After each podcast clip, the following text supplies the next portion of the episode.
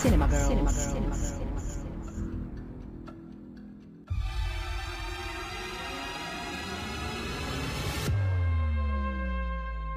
I believe in America. America has made my fortune. And I raised my daughter in the American fashion. I gave her freedom, but I taught her never to dishonor her family. Milí posluchači, po týdnu se vám hlásíme v našem filmovém podcastu Cinema Girls, ve kterém se dnes budeme věnovat, a už jsme to slibovali i na konci minulého dílu, můžeme říct nejlepšímu filmu všech dob, alespoň podle mnoha žebříčků a různých kritiků, a to je film Kmotr, Kmotr 1, Kmotr 2, neboli The Godfather od Francise Forda Coppoli. Už jsme to naznačovali v minulém díle, protože Francis Ford Coppola i na sklonku svého života, můžeme říct. No jo, eh, jo. No v podstatě jo, jako není už nejmladší se rozhodl před několika lety uskutečnit svůj projekt Megalopolis, který snad bude mít premiéru na konci tohoto roku a my jsme ho představili na závěr minulého dílu, takže by bylo, myslím si, že by nebylo od věci se podívat na to, co ho skutečně proslavilo a to je tedy film Komotr. Vítám tady Ivanu konečně. Ahoj Jano, ahoj milí posluchači a děkuji za pěkný úvod. Ano, dneska se budeme věnovat legendárnímu filmu. Když si otevřete jakékoliv rubriky, tak všude je Kmotr 1, Kmotr 2. A my jsme se teda podívali na to, jak tento film vznikal a já musím říct, že jsem neznala všechny ty okolnosti kolem vzniku toho filmu, takže docela já jsem teda se u toho pobavila a seznámila se s novými fakty. Co ty? Taky, taky. Já jsem ten film nikdy neměla úplně v hledáčku, byť Já jsem ho... že řekneš, já jsem ho nikdy neměla úplně ráda. A víš, že tak jako spíš to byl takový ten film, co je povinností. Byl dlouhý, viď? Byl vždycky hodně dlouhý a myslím si, že s věkem ho ocením víc a víc a to je právě taky ten důvod, že spoustu třeba příslušníků mladší generace Z, kam tedy spějí i tvé děti, ten film úplně nechápou nebo nedokáží ho docenit. Number one, y'all were not incorrect in saying that I was not going to enjoy this movie. It was very slow. It was very not fun for me. It was very three hours long. I'm not exactly sure how this became a staple 70s movie. Like, why is this movie always referenced? A je to asi pochopitelné. Ten film slavil 50 let od svého natočení v roce 2022 a při té příležitosti dokonce Paramount Studio natočilo desetidílný seriál The Offer, nabídka, který si můžete pustit na platformě Sky Show Time a my jsme ho s Ivanou obě viděli, takže nám to docela i dost pomohlo v tom, co jsme se dozvěděli. The Godfather is bringing us too many problems. You want me to take care of her? Gangster movies are dead. This is not just some gangster film. We need someone who understands Italians. Francis Ford Coppola. He's got a great vision. We have to put this in the picture. A scene about gangsters arguing over sauce? No. Scene about family arguing over sauce. Ale my jsme samozřejmě už spoustu věcí věděli, protože se tomuto tématu věnujeme, že jo? Speciálně Ivana, ta to má opravdu ráda ten film. Tak jak vidíte i z našeho luku Ano. eh, vzhledu, tak my jsme se na tento díl opravdu připravili a já musím říct, že jsem teda dost věcí neznala a ten seriál je opravdu za mě je dobře natočený. Oni se tam samozřejmě trošku jakoby plácají po zádech, že byli ty nejlepší a je tam samozřejmě oslava i těch producentů, o kterých tady budeme mluvit.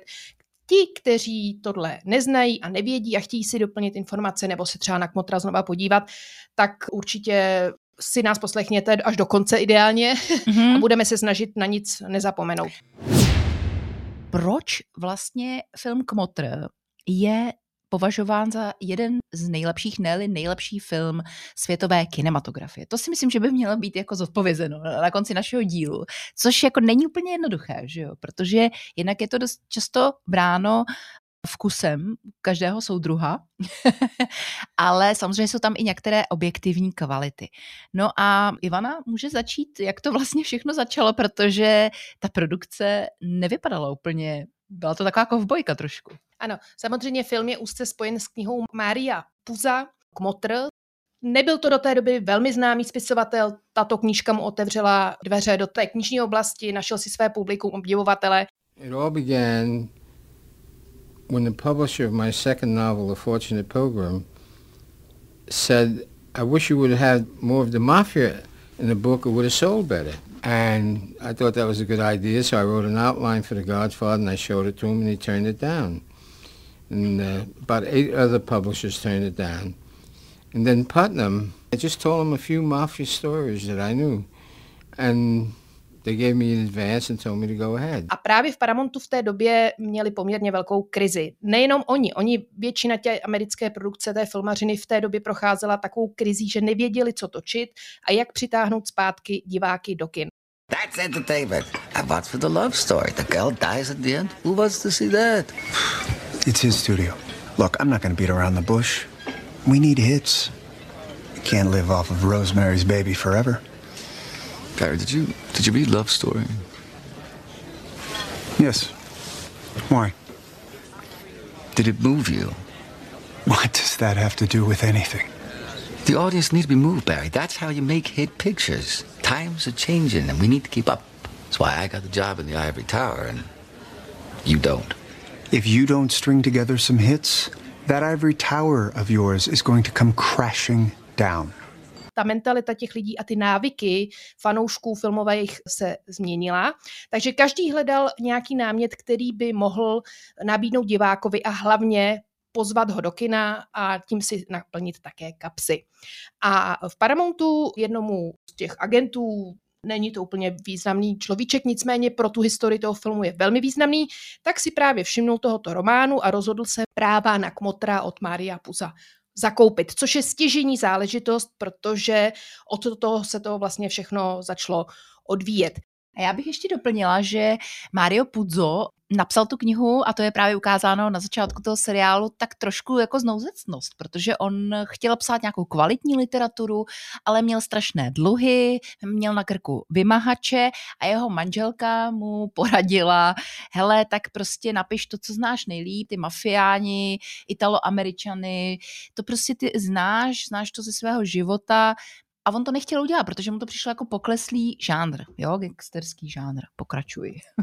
no nicméně ta kniha teda opravdu vznikla a Paramount ji koupil od Maria Puza za pár šupů, doslova. Hmm. A v Paramountu byl velice známý a úspěšný producent Robert Evans, šéf Paramountu. Legendární v tom seriálu má velké, velké pole, takže tam, když se na něj podíváte, tak eh, vám to tam všechno On je skoro jako nejlepší. No. Matthew Good ho A doporučuju si ho pak možná i jakoby bokem rešeršovat, protože já mám pocit, že byl sedmkrát ženat a nakonec skončil někde za přikupnictví na kokainu. A opravdu je to velice, velice zajímavá postava filmová.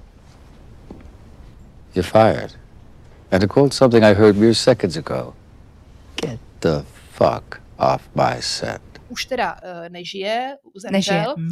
A on zrovna do kin uváděl film Love Story. Did I say you could kiss me? I was carried away. I wasn't. Celebrate one of the most romantic movies of all time. What would you say if I told you I think I'm in love with you? Love Story. You're a preppy millionaire and I'm smart and poor. If you marry her now, I'll not give you the time of day. Nominated for seven Academy Awards, including Best Picture.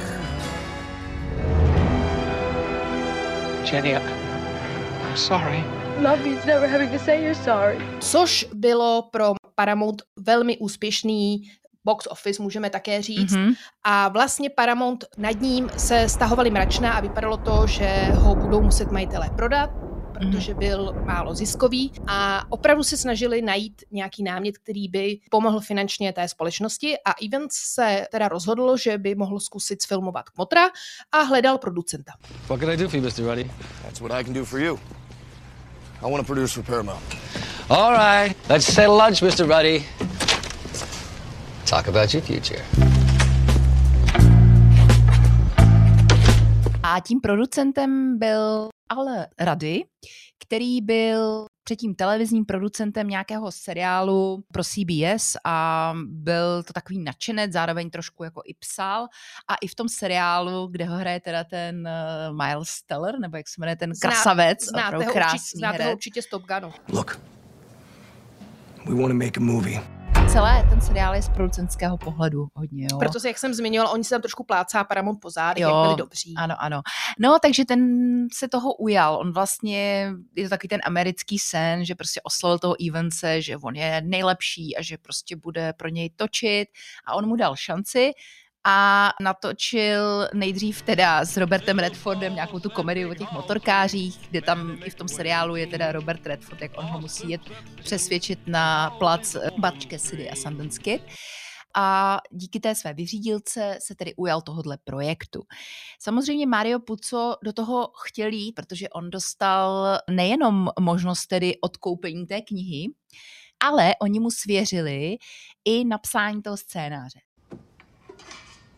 Al, I was born to write this screenplay. The movie's in here, but you gotta carve it away. Can you do that? Thank you. I will let you take my husband, but you must promise me Mario has diabetes. Ah, no, come Listen, you must watch his Stop. diet. He Stop. eats crap. He needs to lose weight. Lock up the food. No pizza, no ice cream, no ice cream, no donuts. Což bylo něco, co se fakt jako nedělá v Hollywoodu, jo. Je to proto, že spisovatelé nejsou scénáristi, je to fakt jiná branže a oni pak nejsou schopní jako oddělit to zrno od plev a z té své úžasné knihy nejsou schopní to převést, prostě nemají to filmové vidění. Ale v tomto případě to tak bylo a jako druhou osobu mu dali koho? No pana režiséra Kopulu, že jo. Ale No. řekněme si, on taky neskákal dva metry vysoko, když byl osloven, Mhm. protože jemu se nelíbil ten námět. A on Slízy, říkal, slízy mu to že přišlo. nechce točit takovou jakoby gangsterku, protože gangsterky se do té doby točily a byly docela populární, ale ten kmotr byl opravdu úplně něco jiného, úplně jinak udělán, než se do té doby Mhm. ty gangsterky točily. Everything from The Godfather, what makes the Godfather movie wonderful, comes from the book. That's why on the title, it, uh, at my behest, it says Mario Puzo's The Godfather, because the book had it all. Tak nakonec, díky i finanční tísni, ano. filmového vlastně studia Kopoli, protože on měl nějaký svůj tým, že jo, Ano, lidí. ano. On měl právě společnost, která produkovala debit George Lucase, což pro fanoušky sci-fi žánru je naprostá povinnost a my se tomu doufám někdy v rámci George Lucase budeme věnovat. A to je film THX 1138. Já jsem ti to doporučovala, protože to kdysi dávali na ČT2, když mi bylo asi 20 a já jsem z toho filmu byla úplně odvařená. A co je důležité, to je film na motivy 1984 George Orwella, ve kterém hraje hlavní roli Robert Duval a Donald Pleasance. Je to taková ta dystopie, všechno je tam bílé, jo, všichni mají vohlené hlavy. THX 1138 is pronounced incurable. Where's LUH? Why are you so concerned? You're with me. We're all in this together. Prostě jestli znáte George Orwella, tak víte, o co jde. A on ten film produkoval. George Lucas ho režíroval, ale on ho produkoval se svojí společností eh, Zootrop, nebo nějak tak se jmenovala, a měl strašné dluhy, až 400 tisíc dolarů, což bylo na tu dobu obrovská částka. Ten film se zadlužil a dlužil to Warner Brothers. Takže on potřeboval ty peníze, čili se spojil s nimi a podílel se na tom scénáři, protože mimo jiné on dostal tehdy Oscara za film Patton a dostal Oscara za scénář původní v roce 1970. Takže on byl etablovaný i režisér, ale neměl ty finanční úspěchy. No a teďka se dostáváme k první věci, která v tom seriálu, až se na to budete dívat, je trošku jinak. A tam oni ukazují, jak Mario Puzo spolu s eh, Francisem Fordem Coppolou bydlí v nějaké vile, nebo oni tam spolu nebydlí, ale on ho tam jako často navštěvuje v tom LA a ten Puzo prostě jenom žere, jo, protože to tam jako je, že on je hrozný žrout a nic nedělá, jo, je na madračice, skoro jako Homer Simpson style. Fuck. Mario. Oh, what's going on, man? I, uh, I can't do this. I don't even know where to begin. Did you eat my ham? No. There was a ham sandwich in the refrigerator. You ate the ham sandwich. I watched you eat it. It's not something I will soon forget. Ale oni spolu ve finále fyzicky moc nepobývali, každý byl v jiném městě, takže to je trošku jinak, že jo? Samozřejmě tak tam byla taková ta idylická představa, že zavřete ty dva tvůrce ten scénář vznikal docela jako v nějakém časovém omezení, ale v tomhle samozřejmě je filmarská nebo seriálová zkratka, že to bylo malinko trochu jinak. Nicméně samozřejmě oba autoři toho scénáře jsou, i dvojky. Ano. A trojky vlastně jsou už jenom volně, že jo. Proč vlastně Francis Ford Coppola to režíroval, bylo dáno tím, že právě šéf Paramountu Evans bazíroval na tom, aby to natáčel Italo-Američan, který prostě zná ty poměry, zná i ty zvyky. A to proto, že předtím Paramount natočil jiný gangsterský film Brotherhood, ve kterém hrál hlavní roli Kirk Douglas a režíroval to režisér, který nebyl Italo-Američan. Byl to strašný propadák, takže oni chtěli najednou, jako aby to opravdu takhle bylo. Proto tam vlastně hodně Italo-Američanů i, nebo hodně, no, No hodně. Vlastně hodně. hlavní dvě postavy jsou italo-američanové, jak Marlon Brando, tak teda později dosazený náš miláček Alfredo James Pacino. I never wanted this for you. I worked my whole life. I don't apologize to take care of my family. And I refused to be a fool. Dancing on the string held by all those big shots. No a to se už dostáváme k dalšímu k problému, k obsazení. Ten film měl ze začátku rozpočet 4 miliony dolarů. V té době samozřejmě ta cenová relace těch filmů byla něco jiného. Když se natáčel Kmotr 3, tak měl rozpočet 53 milionů. To už byly jiný peníze. Takže otázka herců byl další problém. Coppola si vyhlédl v divadle Al Pacina. Al mhm. Pacino mm-hmm. byl začínající herec, hlavně divadelní, ale měl už za sebou docela významnou roli v takovém tom sociální filmu Panika v Needle Parku. Tam ano, ano. nějakýho toho mm-hmm. uh, narkomana. Měl... A takže on už byl trošku etablovaný, ale samozřejmě ne v rámci té velké kinematografie. A pak tam padlo to druhé jméno, což je byl Marlon Brando. Mario Puzo, když už psal tu knihu, tak měl už vizi, že Vita Corleoneho, Dona Corleoneho, musí hrát jedině Marlon Brando. Tehdy velice známý, etablovaný herec, který předtím měl trošku propadáky, a vlastně se nechal slyšet, že řekl, tuto roli může hrát jediný člověk na světě a to je Marlon Brando. To se samozřejmě líbilo i Kopolovi, ale to se už nelíbilo producentům, protože Marlon Brando měl dvě takové chyby, dvě takové jako mm, špatné vlastnosti.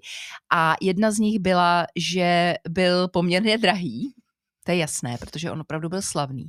A druhá, že on měl problémy vždycky na place se štábem, kecal do toho režisérům, byl nepříjemný, chodil pozdě, nebyl spolehlivý a vůbec měl takový ten, ten temperament. Takže to byla vlastně první věc, která se řešila. Kdo bude hrát tu postavu? Byli tam samozřejmě různí adepti, o kterých tady nebudeme mluvit, protože jich bylo opravdu celé zástupy. Ale nakonec tedy Marlon Brando, opravdu si ho ti dva scénáristi a tedy režisér Coppola prosadil. Marlon Brando. He's great, right? Yeah, he's great. If we lock him in, it's a go picture? Mm-hmm. It worked out for you this time, kid.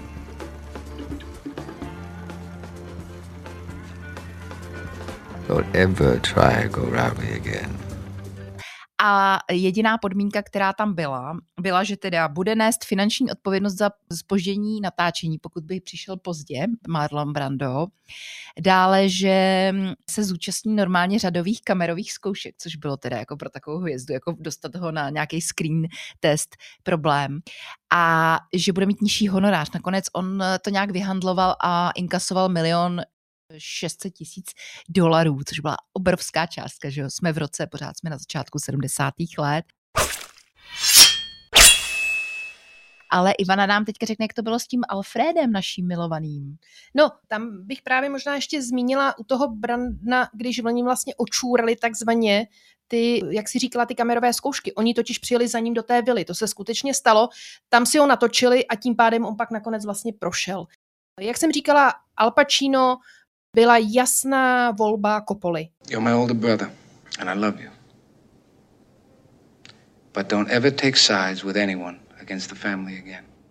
Ten z něj byl opravdu u vytržení a chtěl ho, trval na něm a doufal. Ale... eh, Viděl ho v nějakém tom představení na Broadway, že jo? Tak, tak. Ale ve chvíli, kdy zaznělo od producenta Radyho toto jméno před právě tím velkým známým producentem, tak řekl, že Al Pacino nikdy I warned you not to go around me. Bob. I took a chance on you and you stabbed me in the back. I don't like Pacino! He's a huge mistake. But I guess he's in the picture, isn't he? But you know what? Now we're gonna do things my way.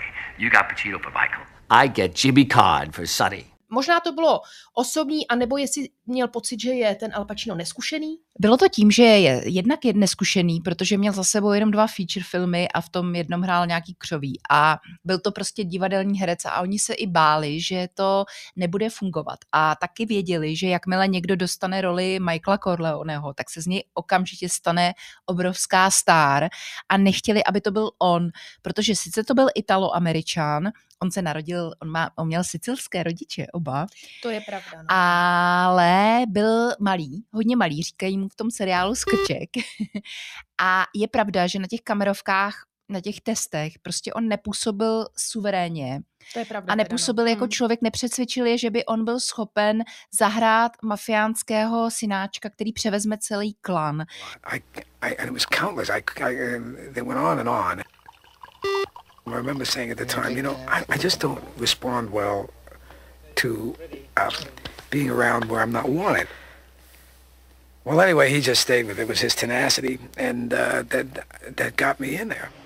Místo toho tam měli jiné adepty. I James Caan, který nakonec hraje jeho staršího bratra Sonnyho, tak ten byl jako taky jedna z těch voleb, že by hrál prostě toho Michaela a byli tam samozřejmě třeba i, myslím, že i Charles Bronson tam Byl figuroval. Tam Dustin Hoffman, ten figuroval. Ano. Ano. Máš pravdu, že mu vlastně přesně, že mu nedopadly ty kamerovky.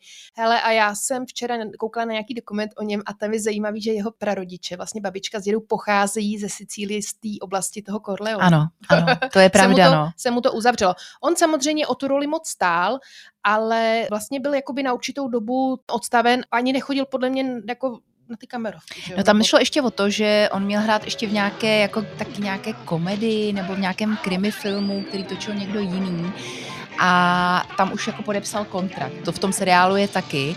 A naopak Robert De Niro, který se taky ucházel o nějaké ty menší roličky, dokonce i se ucházel i o roli Michaela, o roli Sonnyho, o roli nějakého toho uh, Paulího, prostě, že jo, vždycky u těch kamerovek co jim dají, to dostanou, že jo.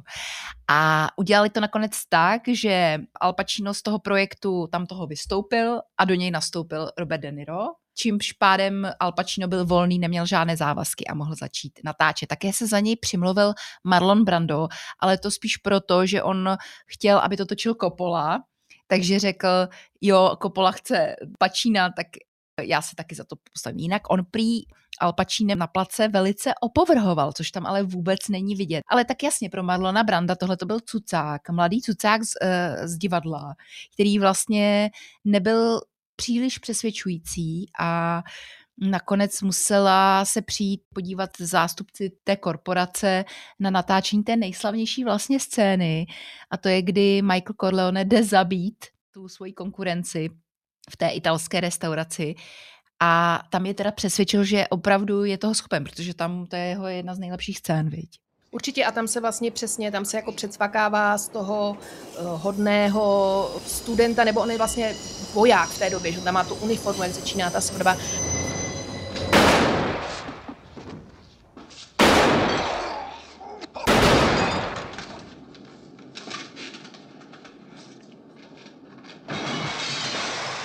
Otázka je, jestli on chtěl se předsvaknout, jestli on nechtěl být přece jenom jiný, ten slušný. A, A na to jsou různé diskuze a, a, o, a můžeme si konečně sundat tedy ty brýle. a ubírá se konečně, nebo oh. ujímá se té role mafiánské v rodině, že jo? Co bylo taky samozřejmě problém třeba při vzniku toho filmu, to byla vlastně místní mafie, protože Komoty je samozřejmě mafiánský film, ale v té době a možná ještě do teďka tam ty mafiánský klany fungují a jako co s tím, že jo? No tak samozřejmě, když už napsal Mario Puzo ten román, tak už se objevil první problém a to uh, s Frankem Sinatrou, že jo? Ano, už oni si to tehdy přečetli, ten román, to byl obrovský bestseller, jo, to, on to vydal snad v roce na konci 60. let a prodalo se toho asi 10 milionů nebo 7 milionů výtisku, takže všichni to četli. A Frank Sinatra, který opravdu ty konexe já vím, že ho máte rádi, určitě před Vánocem asi pouštíte jeho koledy nebo takový ty písničky, ale on opravdu byl jako pěšák nebo jako protežovaný tou italoamerickou mafií, která mu opravdu pomohla k tomu stát se slavný. A samozřejmě ten Puzo to věděl, takže tam eh, vymyslel postavu Johnnyho Fontany, který je přesně hercem napojeným na mafii a dostávajícím tedy různé ty zakázky lukrativní že? No, to je pravda. A jemu se to a, nelíbilo a dost proti tomu brojil. A právě se obrátil na své uh, ty mafiány, že jo, ty svý kamarády, i když teda on tvrdil, že není z té mafie. A mhm. objevuje se tady postava opravdu skutečného mafiána, což je Joe Colombo. Mm-hmm. V tom seriálu ho skvěle hraje ten eh, herec, který uh, Jana určitě zná to jeho jméno. Giovanni Ribisi. Tak. You want to make a movie that's going to make my people look like animals, and that ain't going to happen. I respect what you're saying. And I think I have a solution to our problem. A on uh, založil takové odbory, to známe. Tady. Unions, ano, ano. ano. A jako středula, že by si taky založil. Takový, takový jako Italo Ameri- uh, Liga občanských práv Italo-Američanů, nebo nějak tak. No a začal komunikovat s producentem, údajně s tím producentem rady hlavně, mm-hmm. o tom, že ten snímek do kin teda v žádném případě nepůjde. What makes us look stupid? Like, you know, like a joke. And that's bad for business. Sinatra isn't wrong about this one. A teď se teda řešilo, jestli jo nebo ne. V seriálu se tato problematika hodně rozvíjí. A oni se spolu nakonec tedy domluvili po přečtení scénáře, že vyndají slovo mafie a taky Koza Nostra, aby tam nebylo. Mm-hmm. A e, nakonec se i domluvili se, s Frankem Sinatrou, kterému bylo i dokonce nabídnuto, že by ve filmu hrál vlastně sám sebe, ale tam to nějak jakoby nedopadlo, myslím, že na výši toho honoráře a Colombo se s tím producentem rady měl i snad, neříkám, že úplně zpřátelit, ale měli být jakoby v blízkém kontaktu a tomu filmu bylo umožněno, aby mohl začít točit, protože oni se i v New Yorku handrekovali na lokacích, protože starosta New Yorku byl taky samozřejmě v tom různém klanu, protože tam teda asi mafián byl skoro každý, takže oni tomu snímku ze začátku kladli problémy, aby nemohli točit, tam samozřejmě šlo o to, že vybrali tu krásnou lokaci toho domu, kde sídlí Korleova rodina. Staten Island. Což je prostě úplně stěžení pro ten film. Nakonec se to všechno jakoby nějak uh, spumpedlíkovalo a co se týká Mafiana Colombo, tak ten byl v tom období zhruba, kdy ten kmotr vznikal, tak byl postřelen na tom svém briefingu a už se nikdy neprobral, zůstal v komatu, zemřel až myslím třeba 79, sedm, myslím. No. Zemřel několik let potom, takže na film nešel, ale ve filmu si zahráli někteří mafiáni. Kromě teda těch etablovaných herců tam taky hrála uh, rodina Eh, pana režiséra, že jo? To, to už je takový, eh, taková tradice Francise Forda Coppoli, ale dělal to i Scorsese, pokud si pamatuješ. Takže tam obsadil zejména eh, svoji sestru Táliu, která hraje sestru Michaela, která je tam na začátku její svatba, kde bylo asi 750 extra z, z místních. A ona je předmětem domácího násilí svého manžela, kterého hrál Gianni Russo, a to byl taky takový jako poskok, poslíček, který v Las Vegas byl uh, poslíčkem nějakého mafiánského kruhu takže se taky vlastně tenhle ten herec dostal uh, do, uh, do filmu z mafiánských kruhů, kromě toho Lennyho Montany, který byl wrestler, ano, ex-wrestler. A byl přímá mlátička Joea Colomba a ten teda hrál postavu jednoho z těch goril.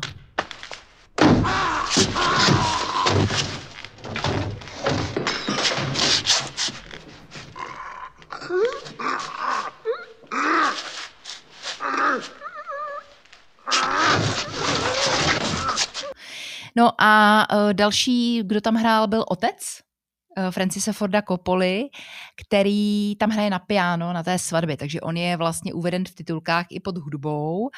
A potom při jedné z takových těch jako opravdu krásných scén, a to je scéna křtu v katolickém kostele v New Yorku, kdy Michael křtí svoji dceru, tak to je malinká třítýdenní Sofia Coppola, pozdější tedy samozřejmě eh, známá režisérka, která i později hrála ve filmu Kmotr 3. Tam už teda vyrostla, pak ji tam samozřejmě zabijou. No. Kdo tam ještě hrál? Ještě tam hrál teda ten otec a i matka tam hrála. I matka, matka. tam hrála. No, mm. takže celá rodina, v podstatě takový jako, um, že jo, Hujerovi, no. no. A ještě bychom mohli zmínit takovou perličku, že tím, že Al Pacino byl velice neznámým hercem, tak dostal poměrně malý honorář, na rozdíl od eh, Marlona Branda, a to bylo 35 tisíc dolarů. Ve dvojce už dostal 500 tisíc dolarů a začal si i diktovat různé změny ve scénáři, čímž blokoval natáčení. Takže tady vidíte klasický tedy vývoj těch herců. No a my všichni víme, že ten film měl původně 11 nominací na Oscara, ale jedna nominace bohužel byla diskvalifikována, odvolána. A to je nominace za nejlepší hudbu. Protože Nino Rota, italský skladatel, který zejména se proslavil hudbou k filmům od Federica Felliniho jako La Dolce Vita 8,5, tak eh, sice složil autenticky nebo složil originální soundtrack, který všichni milujeme, ale jednu písničku nebo jednu tu skladbu nebo více těch skladeb použil i ze svého předchozího filmu Fortunella z roku 1958. No a akademie si toho všimla.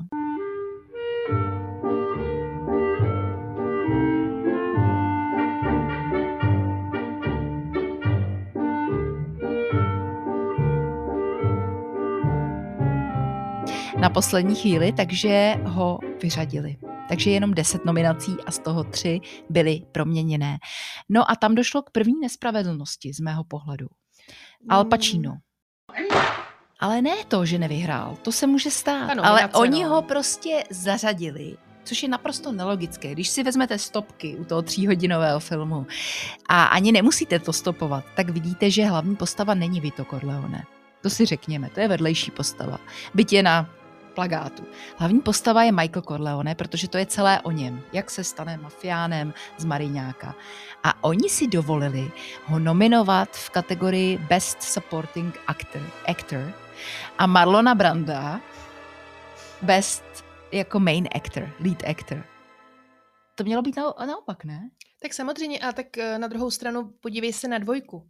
Mm. Tam sice byl teda nominován dobře už za tu hlavní roli a také mu nedali Oscara.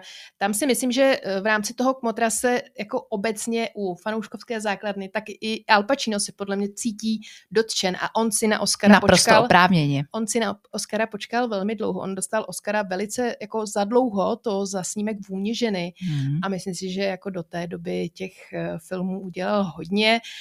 Al Pacino in Scent of a je to jako jeden z nejlepších herců a je to skoro jako u toho Leonarda DiCapria, který si taky prostě počkal a nakonec to dostal ne za tak úplně vlastně silný snímek, ale řekněme si, že u toho prvního kmotra tam samozřejmě byli eh, jako nadšení ty producenti, zvláště právě tady ten zmiňovaný ten Rady, který neměl žádné filmarské zkušenosti a opravdu i v tom seriálu, on je hodně o něm ten seriál, tam popisuje, jak ten film vznikal a je strašně zajímavý vnímat to, jak film vzniká. Mm-hmm. Všichni si řekneme, ano, kdo ten snímek režíroval a ten je důležitý. Ano, ale samozřejmě ten producent je tam velmi důležitý.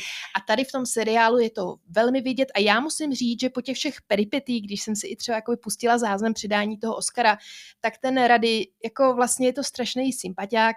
On pak se mu znova podařilo získat Oscara za Million Dollar Baby s Queenem Eastwoodem a já si myslím, že to je prostě nějaký nadšenec, blázen do filmu, mezi tím jako neměl zase tak už jako významný filmy, ale měl nějaký dar od Boha. Samozřejmě o uměleckosti toho filmu uh, bychom se mohli bavit příště, protože tam si myslím, že jsou nějaké věci plus nějaké perličky z natáčení, různé rekvizity, živé, mrtvé.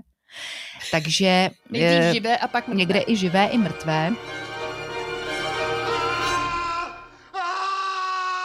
Takže samozřejmě doporučujeme se na Kmotra opět podívat. Pokud budete mít to příležitost, můžete si i doplnit znalosti v seriálu The Offer, ale některé další informace jak z natáčení, tak co se týká toho, jak byl film dělán úplně jinou technikou, například eh, barva toho filmu, i kamera, tak si řekneme v dalším dílu, který si můžete poslechnout za týden.